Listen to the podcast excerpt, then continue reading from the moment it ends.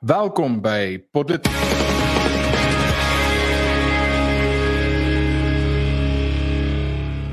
My naam is Erns van Sail en hier is nog 'n groot span vandag, uh, Frederik van Duyk, Daniel Elof en Paul Marits en in vandag se episode EFF haatspraak saak en Oekraïne wat warm raak.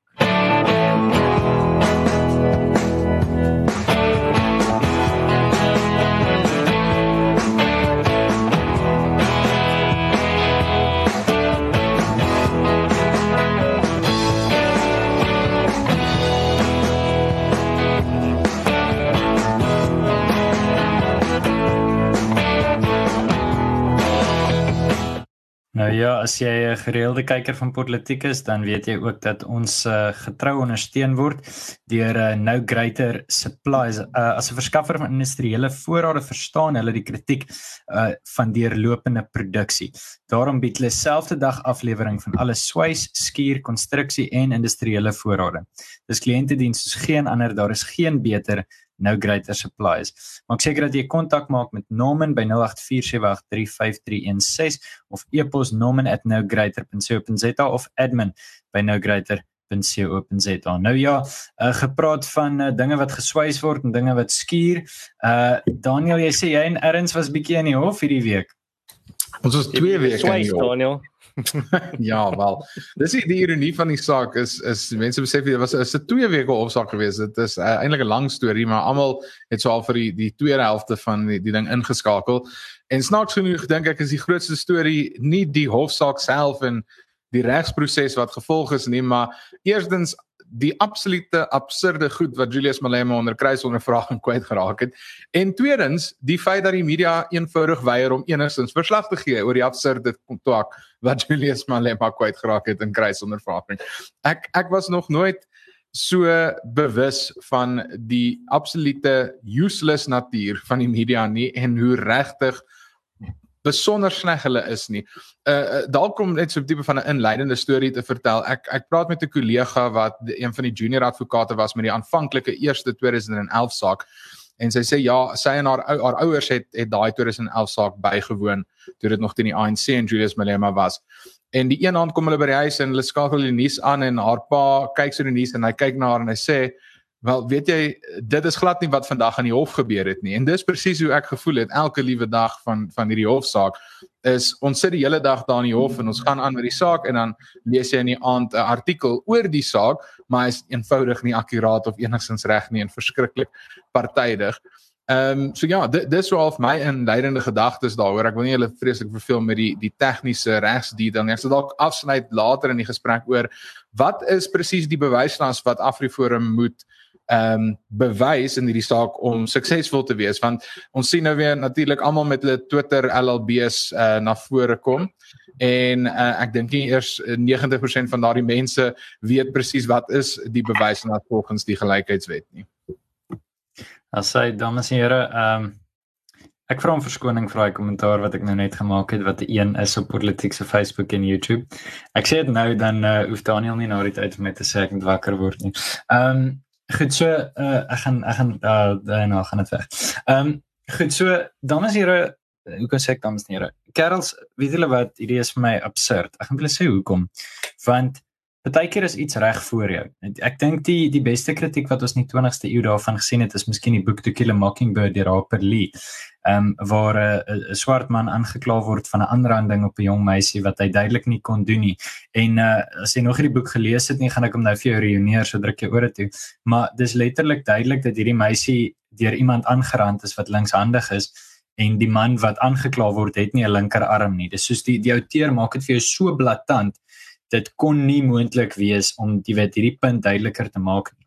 Nou sit jy in die in die 21ste eeu met Julius Malema wat vir jou goed sal sê soos ehm um, weet jy wat, miskien is dit ek wat roep vir volksmoord. Nou ek net kos staan net vir 'n oomblik stil.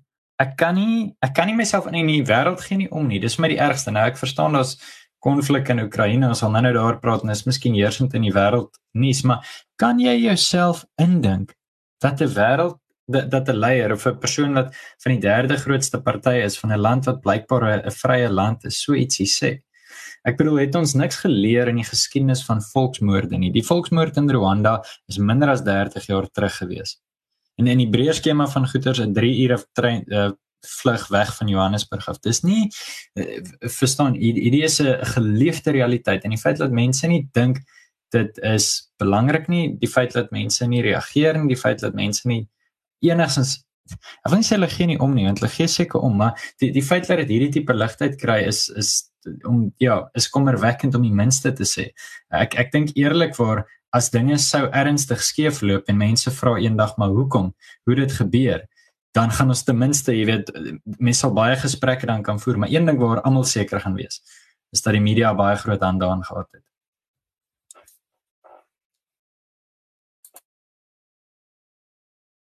Ek sien my my mikrofoon was af. Ja, absoluut Paul. Ek eh, ek dink ons kon ook nie uit die oog uit verloor dat Julius Malema homself en die EFF party is 'n 'n media uh, uh, skepsel nie. Dis iets wat hulle gemaak het nie. Dit is iets wat die media uh, baie help groei het. Ehm uh, nou die ding wat vir my nogal uitstaan ek moet sê. Ehm um, is jy het dit nou genoem, julle albei het dit nou genoem Daniel en Paul, maar ek het nie gedink die die koloms of die uh menings die meningsstuk skrywers gaan so erg hulle self ontbloot nie. Ek dink dit gaan meestal Malema wees wat homself in die hof ontbloot.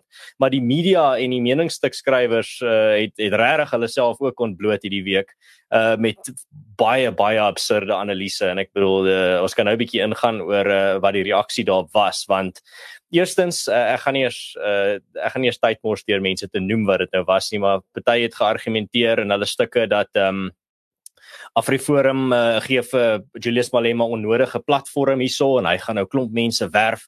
Ander het gesê dat uh, nou vir oh, ek dink ek moet net sê dit was Max de Pre wat gesê het al wat Afriforum en EFF reg gekry het met hierdie saak was om vir Afri om, om vir Suid-Afrikaners te laat kant kies. Nou as jy moet as jy sukkel om kant te kies tussen die een party wat sê hy kan nie beloof dat hy nie nie in die toekoms vir die moord van die hele groep mense gaan roep nie en die ander party wat hom hof toe vat en aanvat daaroor en ontbloot daarvoor nie.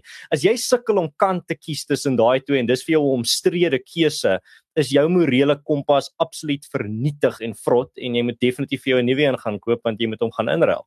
Ehm um, dan was daar ander argumente dat Afriforum uh doen net dit vir vir die geld. Nou uh, ek dink ek kan praat as iemand wat vir Afriforum werk dat uh, al die mense rondom my is mense wat deur plaasmoorde of self uh plaasmoorde en plaasaanvalle self 'n familielid of 'n vriend of iemand ken het uh wat uh geraak is deur hierdie soort misdaad en uh, dis definitief nie vir die geld uh, wat ons te doen nie. Nou maar nietemin ek moet sê ek het gisteraand op my program uh, op my Conscious Caracal kanaal het ek het ek deur uh, nou dat jy gesê het Daniel dat uh, die die media het so wat Julius Malema gesê het net heeltemal ignoreer.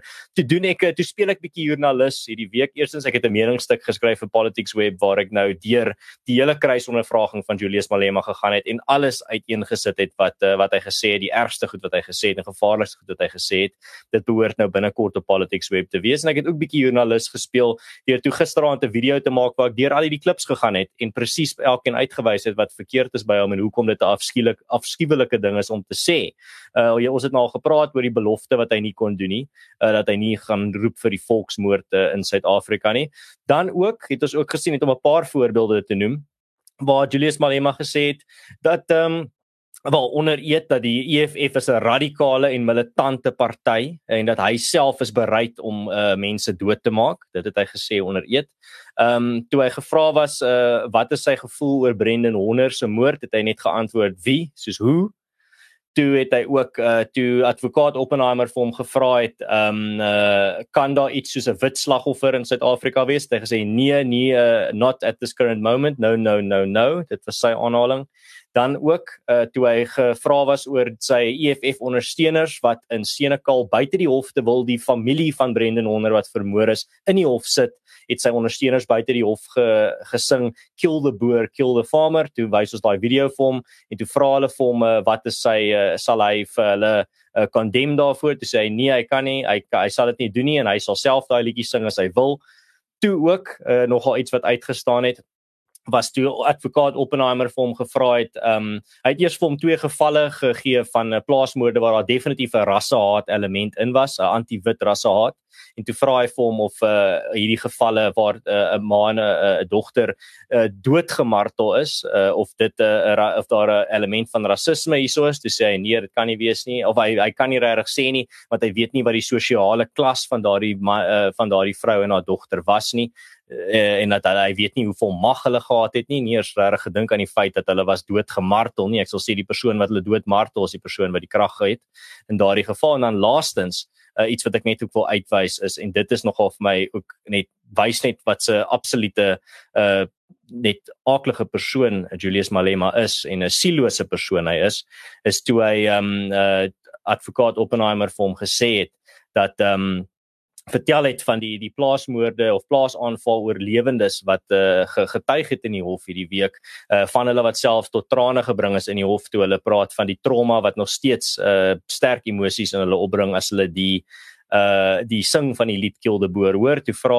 advokaat Oppenheimer vir Julius Malema sal hy as hy luister na hoe hierdie persone getraumatiseer is deur hierdie lied sal dit vir hom laat oorweeg om die lied te laat ophou sing? Toe sê Julius Malema baie duidelik nee uh hy is nie soos in sy eie woorde no I'm not moved. So hy is nie persoonlik geraak deur die stories van hierdie oorlewendes nie. En toe het hy aangegaan om 5 keer in 'n ry te herhaal ek is nie geraak daardeur nie ek word nie geraak daardeur nie ek is nie geraak daardeur nie. En dit op die ou en die laaste keer het hy het geskree en toe sê hy um, ek sal dit sê totdat dat dit my hierdie hofsaak verloor. So uh, ek wil maar net my deel uh, met politiek se platform doen om vir mense in kennis te stel van van die goed wat hy gesê het. Want wat ek agtergekom het gisteraand op my program is dat uh, selfs toe ek vir mense van die aanhalings in video wys het baie mense gereageer en gesê ek het regtig nie geweet hy het dit gesê nie dit is afskuwelik. Ehm um, so regtig ek dink as jy die jy moet regtig die jy moet ek dink almal moet hulle deel doen om half die media se werk vir hulle te doen uh en hierdie uh, die waarheid oor hierdie hofsaak te versprei. Maar ek het nou genoeg van julle tyd gesteel asseblief deel julle gedagtes ook. Dis nie net my program nie. Dankie Ernst. Ek dink mens kan eerstens vir jou baie dankie sê vir die ontleding wat jy gedoen het. Dit is ongelooflike goeie ontleding en ek meen jy het soos jy soos jy reg aangedui het telkens jy weet jy het nie daai tipe in diepte ontledings op ander plekke gesien nie en dis verbasend hoekom en ek en ek weet wat ek ek wil eintlik so my oomblik van sê ek dink ek ek voel ten diepste jou hartseer en frustrasie en woede en ek deel dit en ek dink ons almal doen wat hierdie program luister so jy aan die einde van jou ehm um, van jou conscious character video gesê het maar ouens hoe jy weet jy wil jy al? Uit jou kop uit ek, ek kon sien die pyn in jou gesig en en ek wil net sê moenie jy weet ons ons back jou en ons is, ons staan by jou en ek dink ons almal gaan deur dieselfde ding. En dankie dat jy dit vir ons amper geartikuleer het. Ehm um, want jy weet die ek sou nou daarby uitkom met die media as die sogenaamde vierde stand en as die media seker verantwoordelikhede nie nakom nie ehm um, oor hulle heeltyd aanspraak maak op sekere magte om te kan verkondig, dan is hulle besig om die demokratiese stelsel in die steek te laat. So in elk geval voor ek op uitkom, ek dink ek gaan ek gaan net oor baie spesifieke goed praat as dit by die onderwerp kom. Ek het ook 'n naweek gespandeer in baie van laasweek om hierdie te kyk tussen die met met terwyl ek eintlik ander goed moes doen. En ehm um, jy weet dit dit dit het my ook diep gefrustreer en ek het twee verskynsels wat ek eintlik wil uitlig. Die eerste verskynsel wat ek spesifiek in die Afrikaanse kommentariaat gesien het. Ehm um, ek glo daar sal voorbeelde hiervan ook in die in die Engelse uh, pers wees. Ek het nie genoeg tyd ge, gespandeer daaraan om die Engelse pers ook nog na te gaan nie, maar ek het die Afrikaanse pers deeglik deel deur gelees en die, die eerste verskynsel is die verskynsel wat jy Afrikaanse kommentariaat kry wat hierdie houding inneem van en ook lesers skryf, die houding inneem van Nee, maar hierdie hofsaak en hierdie tipe optrede deur Afriforum of deur wie ook al, ehm um, is besig om die lewe vir my as Afrikaans sprekende en spesifiek Afrikaans sprekende wit persoon ehm um, baie moeilik te maak. Jy weet ek julle maak die lewe vir ons moeilik want julle julle julle weet so soos hulle nou sê, hulle kill die leeu op 'n sensitiewe plek.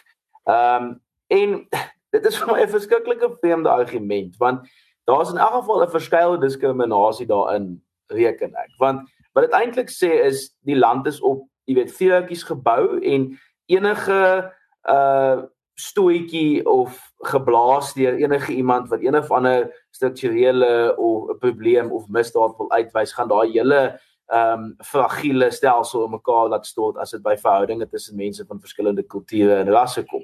En dit is 'n uiters problematiese onderliggende argument wat hierdie tipe ouens maak. Wat hulle sê eintlik wat hulle vir jou sê is moenie moeilikheid maak nie, moenie waves maak nie, want anders gaan die gaan die hel op ons neerdal. So daar's hierdie onderliggende element snaaks genoeg om die, die sogenaamde liberale wit Afrikaanse kommentariaat wat eintlik maar sê is ons vertrou grondliggend nie Suid-Afrika en die sosiale ehm um, uh jy weet 'n uh, raamwerk waarop dit gebou is nie.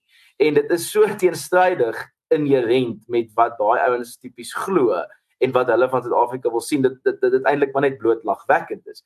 Ehm um, en en 'n verder jy weet punt op daai is is hulle dan nou beswaar dat of bevrees dat indien dit so is dat haatspraak deur 'n radikale persoon soos Julius Malema wat 'n bepaalde vorm van ehm um, fasisme met 'n met met 'n gesig van kleur verteenwoordig.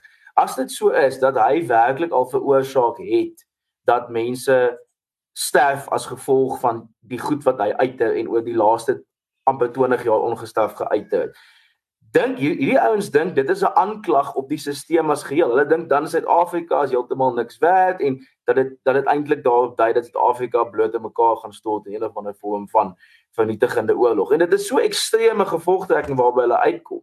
Terwyl jy byvoorbeeld baie mooi aangedui het in die Conscious Capital video, maar die meerderheid van Suid-Afrikaners weet neem nie vir Julius Malema in daai opsig ernstig op nie. Hulle weet hulle jy het ook gesê in Engels you they despise them. Swart Afrikaners despise vir Julius Malema. Hulle dink hy hy is 'n radikale uh politikus wat wat eintlik net 'n klomp ruimte opneem wat hy nie veronderstel is om op te neem nie. So dis vir my snaaks dat die wit Afrikaanse kommentariaat wat ietwat aan die noem dit nou maar tradisioneel verligte kant is, die die 80s verligte kant is, dat hulle nou hierdie houding inneem van as jy bietjie kritiseer dat daar moontlik die geval is dat haatspraak negatiewe gevolge kan hê as dit van 'n swart politikus afkom, dan is dit een of ander vorm van ehm um, Armageddon wat jy eintlik nou probeer voorspel. En dis absolute nonsens. In 'n demokratiese samelewing gaan ons ouens kry wat wit of swart is wat haatspraak pleeg en wat ons as as lede van 'n demokratiese samelewing gaan moet aanspreek deur wetlike meganismes soos byvoorbeeld die Pepuda wet. So ek verstaan nie hoekom dit vir die ouens so moeilik is om net te erken weet jy wat hier is nou 'n ou en hy is besig om vanuit 'n swart posisionering haatspraak te pleeg. Kom ons neem hom hof toe. Kom ons gaan die regte op 'n gesag van die regprosedures deur en ons kyk wat op die einde daarvan kom. So dis vir my die vreemde ding dat jy eerstens daai gekry het en dan 'n tweede opmerking wat ek wil maak. Ek wil nou nie te te veel van ons tyd opneem nie. Ehm um, jy jy het die tweede verskynsel gekry onder die sogenaamde wit verligte kommentariaat en dit is hierdie houding dat ons eintlik dat die wit velde eintlik maar net moet hierdie hanteer wat aan sy kant toe kom of die die wit gelaatstrekke moet dit nou maar net want ons is eintlik maar net hoofsaaklik settlers en ons hoort nie eintlik hier nie. Jy weet jy jy sien dit dikwels. Jy kry net hierdie ding dat ons is eintlik maar tweede klas burgers en ons moet dit aanvaar. En dit kom neer op 'n tipe grondchauvinisme wat Julius Malema hmm. homself kondig. Daai firstism, daai ding van sommige ouens was eerste hier gewees. En daai eerste hier ideologie as jy hom gaan ontleed maak hy net bloot nie sin nie. Hmm. Want waar begin ons? En is dit nie op die eind belangriker om die sosiale kontrak wat die grondwet is te neem en te sê okay, maar dit is nou 'n uh, jy weet vir doeleindes van hierdie Suid-Afrikaanse bestel is dit nou maar die beste plek om te gaan as ons hmm. as dit kom by die toekenning van regte en voorregte en en en en en verantwoordelikhede nie. Jy weet so die feit dat dat jou sogenaamde wit verligtes in die pers en in die media kommentariaat eintlik maar effektief inkoop by die grondchauvinisme ehm um, en soort van swart nasionalistiese posisie wat Malema verteenwoordig op die kepe. Jy weet dit is is dit moet self kom werk te wees. Want ek wil nie ek wil nie ook deel wees van daai sogenaamde tweede rangse burgerskap nie en ons moet daarteen skop. Niemand van ons is tweede rangse burgers nie. Dit is hmm. fundamenteel waaroor burgerregte tog nou maar gaan en ook menseregte. So ja, dit is maar my twee verskynsels wat ek oplet en en ek wil dit probeer verklaar aan die hand van weet net 'n laaste opmerking en dit is dat kyk soos ek gesê die media as die vierde stand as dit by 'n demokratiese en grondwetlike stelsel kom. Nou Miskien het miskien kan mens dit verklaar, jy weet hierdie soort van golf, hierdie stilte op die golflengtes dat die media nou al hoe lank hoor dat hulle moet eintlik nie vir Julius Malema en die EFF baie ligtheid gee nie, want jy weet die ouens kry te veel aandag in die media En um, ek dink hulle het dit bietjie letterlik opgevat. Wat eintlik vir hulle gesê moes gewees het, is luister, moenie weet sien hierdie ouens se foute meer pertinent raak. Sien hierdie ouens se direkte aanval op die demokrasie meer pertinent raak. Moenie berig soos soos Ernst gesê het in sy Karakol video oor die ou se hoe oulik hy is of die feit dat hy 'n swentjie blaas vir die advokaat en so 'n gedie. Dis irrelevant. Wat relevant is hier is die feit dat hier, ons het hierso die beskerming van die regstaat wat op die spel is. En as die media nie hulle rol kan speel om die regstaat te beskerm jy weet en die waarheid sodat sodat relevant is vir die saak en die vereistes van die saak om dit daar te stel. Dan is hulle besig om hulle pligte versaak. En dan is hulle nie besig om in te koop by wat Karl Popper gesê het, jy weet dat jy nie op die ou end intolerance moet tolereer. So jy moenie enige verdraagsaamheid hê vir onverdraagsaamheid nie. En die media se timing is heeltyd verkeerd. Of hulle verdra dit of hulle verdra dit op die verkeerde tyd. So waar jy weet daar moet ernstige introspeksie in die in die media se kant gedoen word oor die saak. Maar dit is my inset. Ek hoor graag van julle. Ja, ek wil net tog bylas daar vinnig ja, uh, Fred, jy het gesoek vir 'n woord daarso vir die wit verligtes. Ek noem hulle etnomasogiste. Ja, dan nou jy wou gesê. So, ek net twee vlugtige gedagtes. Die een nog op die punt van die media. Ehm um, die eerste ding is ek dink is baie eenvoudig en ekskuus oor my hond wat in die agtergrond blaf. Ehm um, die eerste punt is hierdie is baie eenvoudig uh dis Afriforum is laer in die onderdrukkingshierargie as die ehm um, volksmoordneigende militante marxistiese party. Dis dis eenvoudig waarop dit vir, vir neerkom vir die media is maak nie saak wat gesê is nie in daai hiërargie is Afriforum laer en derhalwe gaan ons eerder vir Afriforum gaan want uh, on, ons kan tog nie vir die die kwesbare swart militante gewelddadige politieke party kritiseer wanneer hier hierdie makliker teken is wat Afriforum is. So dis waarop dit vir my eenvoudig neerkom. Die tweede opmerking wat ek wil maak om so dalk bietjie weg te beweeg van die skaamtelose gedrag van die media is een om te sê dis bemoedigend om te sien hoe die alternatiewe media die plek gevul het om eerlike verslaggewing te gee. En ek het dit gis uh, eer wanneer was dit eergisteraand op Ronaldo Gou se program genoem. Toe sê ek mense is honger nie noodwendig na akkurate nuus nie, maar na eerlike nuus. Ons almal weet mense maak foute, maar waar dit gaan is ons vertrou die mense wat eerlik is, wat erken wanneer hulle foute maak en wat die wat hulle werklik sien oor verslag gee. Nie dit wat hulle wil hê die mense moet sien sê nie. Ehm um, en dan kom ek dan by my punt wat nie te doen het met die media nie. Baie mense vra vir my wel hoekom doen ons hierdie saak? Hoekom 10 jaar nadat die vorige saak is waar dit klaar aanspraak verklaar is, is Afriforum weer in die hof? En uh, die, die antwoord is tweeledig. Eerstens want dit werk.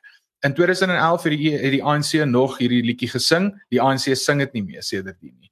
Ehm um, so dit was suksesvol. Ons het letterlik die grootste politieke party in die land reggekry om nie meer hierdie liedjie enigstens te sing nie. Nou is daar weer uh uh dit ons word deur genoodsaak om dit te doen en dis hoekom ons dis hoekom ons hof toe gaan. En die tweede belangrike been oor hoekom mense moet doen is presies hierdie punt wat wat jy uh ge, geopper het Frederik dat mens moenie onverdraagsaamheid verdra nie. Ons moenie toelaat dat 'n party oor dit sê oog wel net dis die EFF moenie vir hulle aandag gee nie.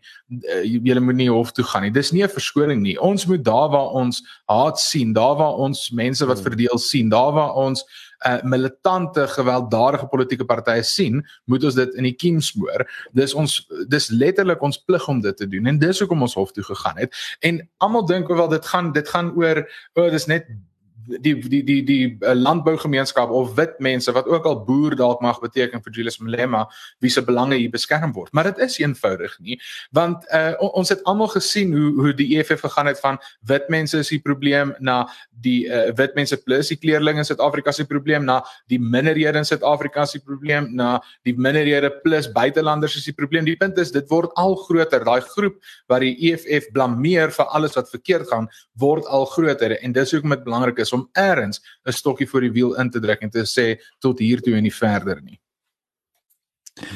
Nou ja, Karel, ek dink mense sou seker nog iets kon sê, maar ek dink uh julle het regtig alles gesê en julle was so intiem betrokke daaroor. Ehm um, ek dink dit is tyd om aan te beweeg na 'n volgende storie toe en dis natuurlik 'n storie wat vir die wêreld druk in hierdie stadium. Ek wil 'n uh, eh, vinnige inleiding gee oor wat aangaan in in Oekraïne. En nou moet ek vir julle so sê, daar's ontsettend baie om te lees en baie konteks om te gee. Ek gaan dit nie noodwendig reg kry in in 'n minuut of twee nie, maar daar's 'n sekere feite wat ons moet noem. Ek gaan van die aanname dat jy as politiek kyker min of meer 'n idee het, maar al, al het jy geen inligting nie behoort jy na die inleiding te verstaan min of meer wat aangaan. Goed. So in 2014 het Russiese rebelle wat deur Putin ondersteun is, dele van die ooste van Oekraïne ingeval en daar's tot vandag toe nog konflik en in 2014 is groot dele van die Krim skiereiland uh teruggeneem deur Rusland. Ek sê teruggeneem want dit was tot en met 1950 in elk geval deel van Rusland. Ek sal nou weer iets daaroor sê. Daar's toe 'n vredesverdrag gewees in Minsk. Uh intussen is daai vredesverdrag uh oorskry. President Putin het in 'n onderhoud gister gesê dat daai daai ooreenkoms so goed soos opgeskeer is. So dis 'n vredesooreenkoms wat al was tussen Oekraïne en Rusland. Goed. Ehm um, om konteks te skep oor Oekraïne, daar's 44 miljoen mense in die land. Ehm um, en heel in die ooste word die Donetsk provinsie alreeds deur rebelle ehm um, beheer. Goed. Nou die Oekraïne self, ten minste die party wat nou in bewind is, wil graag deel van die Europese Unie wees en hulle wil graag deel van NAVO wees. Nou as jy nie weet van NAVO nie, die Engels is NATO, dis die North American Treaty Organization of die Noord-Amerikaanse uh, verdragsooreenkoms. Dit is maar net 'n klomp westerse lande wat bymekaar gekom het en elke jaar 'n klomp uh, geld vir verdediging gee en hulle hulle belange effektief saam beskerm. En dit het in fases, 4 of 5 fases gebeur wat NAVO elke keer groter geword het. Ehm um, dit sluit in hierdie stadium meeste van die Europese Unie in en natuurlik skuif dit konstant oos. Natuurlik dit het in Wes-Europa begin, so dit kan nie regtig veel wes skuif nie want dit is teen die see. So dit skuif konstant oos. Goed. Ehm um, nou beweer president Vladimir Putin dat Oekraïne gebruik word as 'n marionet uh in die hand van die weste om meer mag te kry in die streek en om met ander woorde mag te kry oor uh, Rusland self. Nou histories is Rusland baie kwesbaar aan sy weste kant. Dis waar deur Napoleon en Hitler ingeval het, nie deur wat vandag Oekraïne is nie, deur wat vandag Belarus is, maar die punt bly, dis 'n baie plat gedeelte en Rusland is maklik toeganklik deur die weste. Goed. Nou ehm um, wat Putin eis van die weste is dat hulle wel goed, toe hy natuurlik van gister af erkenning gegee vir twee van die provinsies wat hy nou onafhanklike People's Republics noem. Uh ek sal ek sal nou vinnig 'n foto daarvan wys. Ehm um, ja, kom ek kom ek doen dit. So hy hy het nou effektief hierdie twee wat mense nou hierso sien waar staan Luhansk uh hier regs onder en Donetsk uh word nou deur hom erken as onafhanklike republieke. Uh net om vinnig konteks te gee, die groot sirkels is 6000 uh, Russiese soldate, die medium sirkels 4000 en die kleintjies 1000 Russiese soldate. So jy kan sien, daar's ontsettend baie Russiese soldate op die Oekraïense grens in hierdie stadium.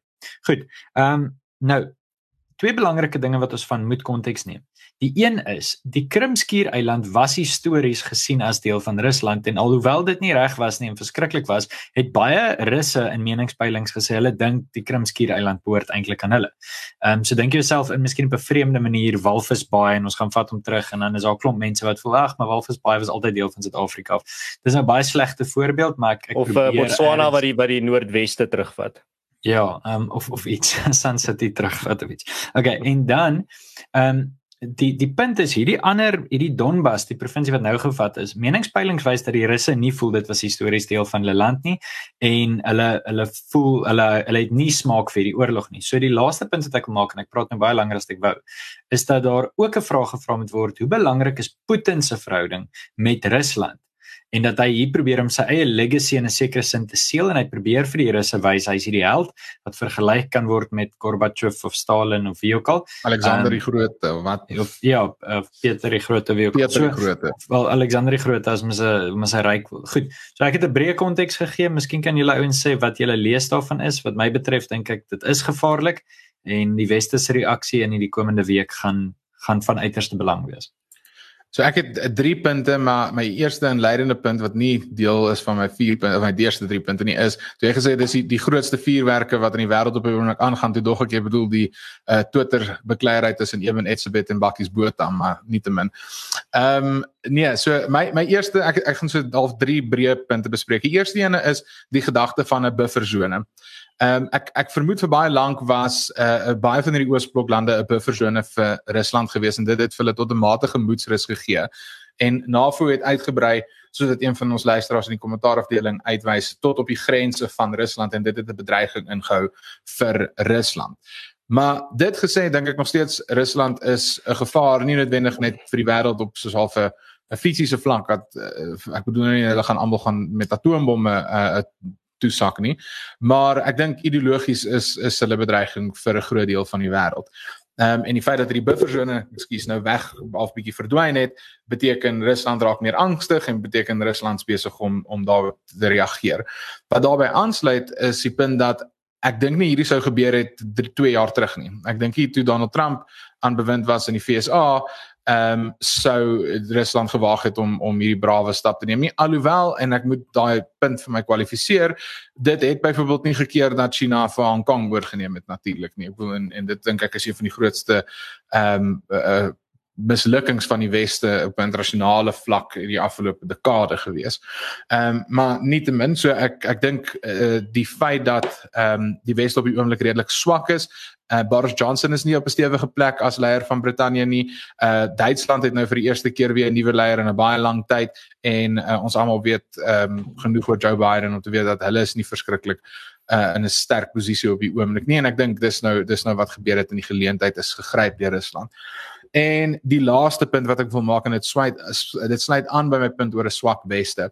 Ek dink die weste het sy ehm uh, morele duidelikheid of helderheid uh verloor. Hulle praat in Engels van moral clarity.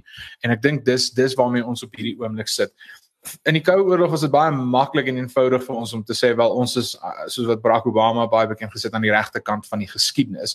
Ehm uh, ons het geveg teen tirannie, ons het uh, die Wes het geveg teen onderdrukking, het geveg teen kommunisme. En ons sit nou op 'n punt waar die Weste is so krities teenoor homself, so krities oor sy eie vryheid, so krities oor sy eie westerse waardes dat ons het binne ons en ek praat nou van ons die Weste, maar praat eintlik maar van westerse kultuur het daai uh, morele sekerheid verloor. En dis nou hoekom ons in hierdie situasie sit. En dit is vir ons nou baie moeilik om te onderskei wel wie's nou regtig die die baddies as ek dit so kan sê. Dis soos daai um uh uh David Mitchell skiet wat hy gedoen het waar hulle in die in die pakkie staan met die met die um uh, skedelbeer op hulle kop die vrae oh are we the bad guys? En, en ek dink dis hoe die weste op hierdie oomblik voel. Is is die weste is nie seker is hulle die goeie of die slegte kant op die oomblik nie. En ons moet baie dink ek ek dink is baie belangrik vir die weste om daai morele sekerheid weer terug te kry, maar nie net om seker te wees van jou saak nie, maar om regtig terug te keer na wat ek sou sê die hmm. ware westerse waardes is wat ons moet nastreef. Ja, Daniel, ek dink jy uh jy raak nogal iets daar wat uh wat ek dink baie belangrik is en dit is die die geskiedenis van uh Rusland se verhouding met die weste. Ek bedoel dit is jy kan deur die geskiedenis gaan. Dit is nog altyd die weste wat vir vir Rusland probeer verower en binneval, nie regtig die ander kant om nie, uh met Napoleon en met Hitler. En die ding wat ek dink hierso regtig uitstaan is jy sien hier so 'n land wat regtig nie ek sal wel sê ek nie stem nie 100% met jou saam dat Rusland so 'n groot bedreiging vir die wêreld is nie. Ek dink hulle het 'n hulle het 'n ekonomie so die grootte van Spanje tans. Ehm um, en hulle is maar 'n medium uh tier land. En hulle is nie regtig besig om grootliks te groei en 'n groot wêreldmag weer te word nie. Hulle het 'n groot militêre mag, dis beslis. En hulle het goeie militêre tegnologie.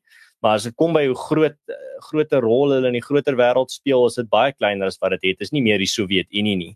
Nou ek dink wat uh uh Peter Hitchens, die broer van Christopher Hitchens, het eintlik 'n baie goeie meningsstuk geskryf oor uh, wat tans in Oekraïne aangaan en uh, hy het sy standpunt is dat dit is die uh, die eindresultaat van dekades van roekelose optrede deur die weste sedert die val van die Sowjetunie waar jy eerder en ek moet sê ek stem saam met hom waar die groot fout is eerder as om vir Rusland nader te trek aan die weste as deel van die weste het uh, die westerse demokrasie eintlik vir Rusland as hierdie bangmaak uh, uh wolf gebruik om te sê maar daar's altyd hierdie bedreiging van Rusland wat ons gaan binneval en uh, na al wat NATO eintlik of NAVO eintlik maar is is 'n anti-Russiese alliansie. As jy kyk wie's nou regtig NATO se groot vyand en wie is hulle nou regtig besig om uh te waak. Hulle waak teen 'n Russiese uh, aanval. Dis maar waarvoor hulle dis maar hulle hulle modus operandi. En op die ou end is hulle besig om te waak teen 'n spook en ek dink op die ou end hier is nogal baie uh, parallelle om getrek te word tussen uh, Oekraïne wat deel word van NAVO en uh, as jy kyk na hoe die Amerikaners hulle koppe verloor het met die uh, Kubaanse missielkrisis. Hierso gaan jy nou NAVO uh, missiele op die grens van Rusland kry as hulle deel raak van NAVO en dit gaan beteken dat baie baie sagte ehm um, uh teikens binne in Rusland nou baie bereikbaar sal wees as NAVO ooit sou uh, vir Rusland wou bedreig. So ek kan verstaan uit 'n groot mate uit die angs wat van van Rusland afkom, maar terselfdertyd Dit beteken ek is ook nie 'n 'n Russie 'n Russefiel wat dink dat Rusland kan sonder enige teenstand net enige land en enige grondgebied vat wat hulle wil nie. Ehm um, ek dink ek glo eerstens self in in selfbeskikking as hierdie 'n uh, stuk grondgebiede wat nou onafhanklik verklaar is, is dit is wat daai mense wil hê, is dit wat die meerderheid van mense binne in daai gebiede wil hê is, dan sal ek dit vir hulle toelaat en dit vir hulle erken, dan ondersteun ek daai erkenning. Maar as Rusland nou verder aangaan en vir Kiev byvoorbeeld uh, al die pad tot by in Kiev in uh, Oekraïne beweeg met hulle troepe, gaan ek nie kan sê maar ek gaan hierdie regverdig, hierdie is 'n regverdige beweging en dit is 'n imperialistiese beweging en ek kan nie dit ondersteun nie. So baie interessante tye, ons gaan maar moet sien wat gebeur, maar ek is versigtig om nie myself nie te probeer voorkom asof ek 'n kenner op hierdie goed is nie want almal soos ek en Daniel nou baie goed besef het met hierdie Julius Malema hofsaak op Twitter en op sosiale media as almal mos 'n kenner. Uh dankie Ernst. Ja, ehm um, jy sê nou so van 'n wisse 'n wisse feel. Ehm um, ek het so gevoel dat sien die die tipiese gewoonte ehm um, die tipiese gewoonte vandag is mos nou natuurlik dat uh uh die uh dat ouens sê net maar met die met die coronavirus kwessie word jy vinnig in die kamp of daai kamp verdeel. Ons het nou al baie daaroor gepraat en ek ek voorsien nou al ek sal geld daarop sit dat ehm um, dat ouens hulle nou self in kampe gaan deel rondom Russe en Amerikaners of Russe en NATO en ook al NAVO. Maar ek het, ek het nie vreeslik veel om by te voeg nie. Ehm um, ek julle het nou meestal gesê wat ek, ook tot 'n groot mate al oorweeg het en gedink het en ehm um, ek dink die die een ding wat wat wat ek nogal mee saamstem en dit is met Ernst en dit is dat uh hoekom skik NAVO vir hierdie of hoekom skik die wêreld vir hierdie spook wat Rusland dan nou op die ouend is? Want ehm um, ek is heeltemal dit eens dat hoekom het hoekom is Rusland nie al van die begin af van die 90s af aangewerk om deel te word van 'n verdragsorganisasie soos NAVO?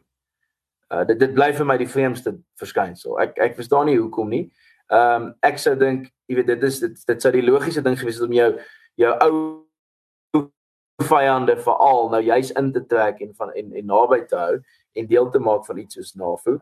Ehm um, en op daai manier op die die die missielkrisisse en so voort vir die toekoms sou inhou om daarteen te waak op daai manier. So ehm um, ek ek ja, ek dit is vir my vreemd. Ek dink dit Rusland is iets wat afgeskeep. Ek dink die die weste, ek dink die groot uh diskurs wat ons het rondom weste en ooste is tot 'n groot mate uitgedateer. Ek dink dit is verouderd. Ek dink dit moes lank hulle 'n kwessie geword het waar daai terminologie wegval en ons eerder praat maar hoe hoe trek ons vir Rusland in? Op ekonomiese vlak op op op op ehm um, geopolitiese vlak op militêre vlak hoe gaan hoe gaan ons dit regkry? So dit is vir my dit is my sleg om dit te sien. Dit is dit is dit voel amper uncanny om te sien dat nou moet mense hierdie ou koeie uit die sloot uit gaan opgrawe vir absoluut geen rede nie. En ek dink die groot rede is Rusland se gevoel van ons is nog altyd uitgesluit ons word heeltyd beskou as hier vyand terwyl ons eintlik maar net gewone betrekkinge met die res van die wêreld wil hê.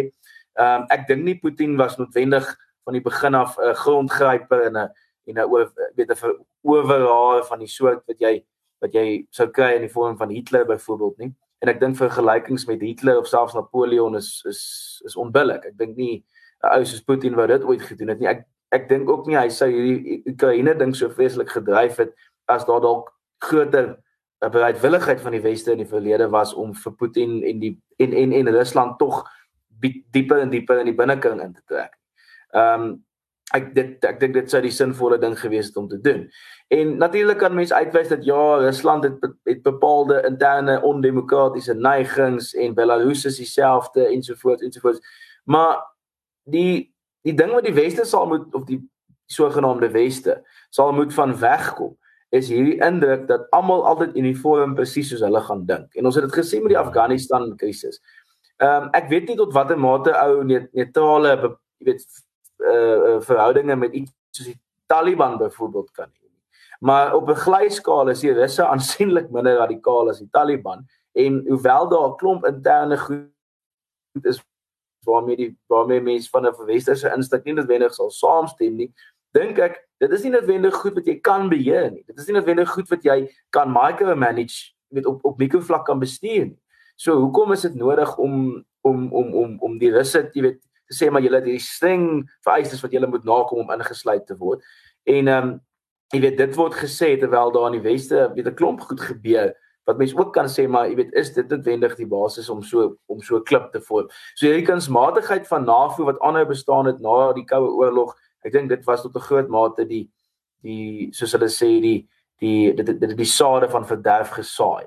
So die die weste sal moet mooi dink oor hulle hoe hulle die ding gaan oplos. Ek sou sê die oplossing is om toenemend te beweeg in die rigting van 'n ingeslote Rusland eerder as 'n Rusland wat daar op sy eie in die hoekie van die speelgrond sit en toenemend al hoe meer ehm um, gat vol raak vir die ouens wat hom onnodig uitsluit. So ja, dis maar my gevoel. Ehm um, Paul, ek dink jy het nog ietsie gesê. Ja, ehm um, Karels ek ek dink soos ja, soos ons al reeds baie keer gesê, dit gaan 'n interessante volgende paar weke wees. Die die realiteit is uh ek ek is ja, ek um, ek dink mense nou te veel nou 'n nuwe hoofstuk oopmaak nie, maar dit gaan dit gaan interessant wees. Een ding wat ek wel nou-nou versuim het om te sê is, dit is my baie interessant hoe Putin 8 jaar gewag het voordat hy weer aggressie getoon het. Ek kan nie help om te wonder of die uh, afwesigheid van Trump en die afwesigheid van Merkel nie dalk sy sy dat hy so 'n bietjie bang was vir hulle nie. Mense kan sê wat jy wil van Trump, maar ek dink hy het 'n paar kere vir Putin duidelik gesê, goed, jy weet, hier is hier rooi lyn. Goed wat Obama ook maar gedoen het en dan nie daarop iets, iets verder gedoen het nie.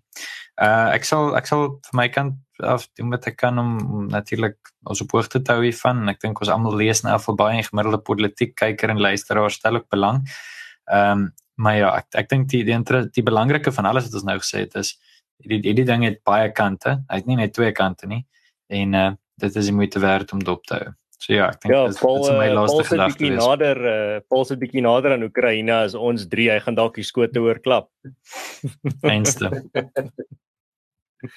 Nou goed, ehm um, dit is nou soos alle goeie dinge kom dit ook nou tot 'n einde en ja, Paul pas jouself maar op en koop so lank vir jou 'n uh, staalhelm as jy kan, ons sal ook vir een vir jou pos.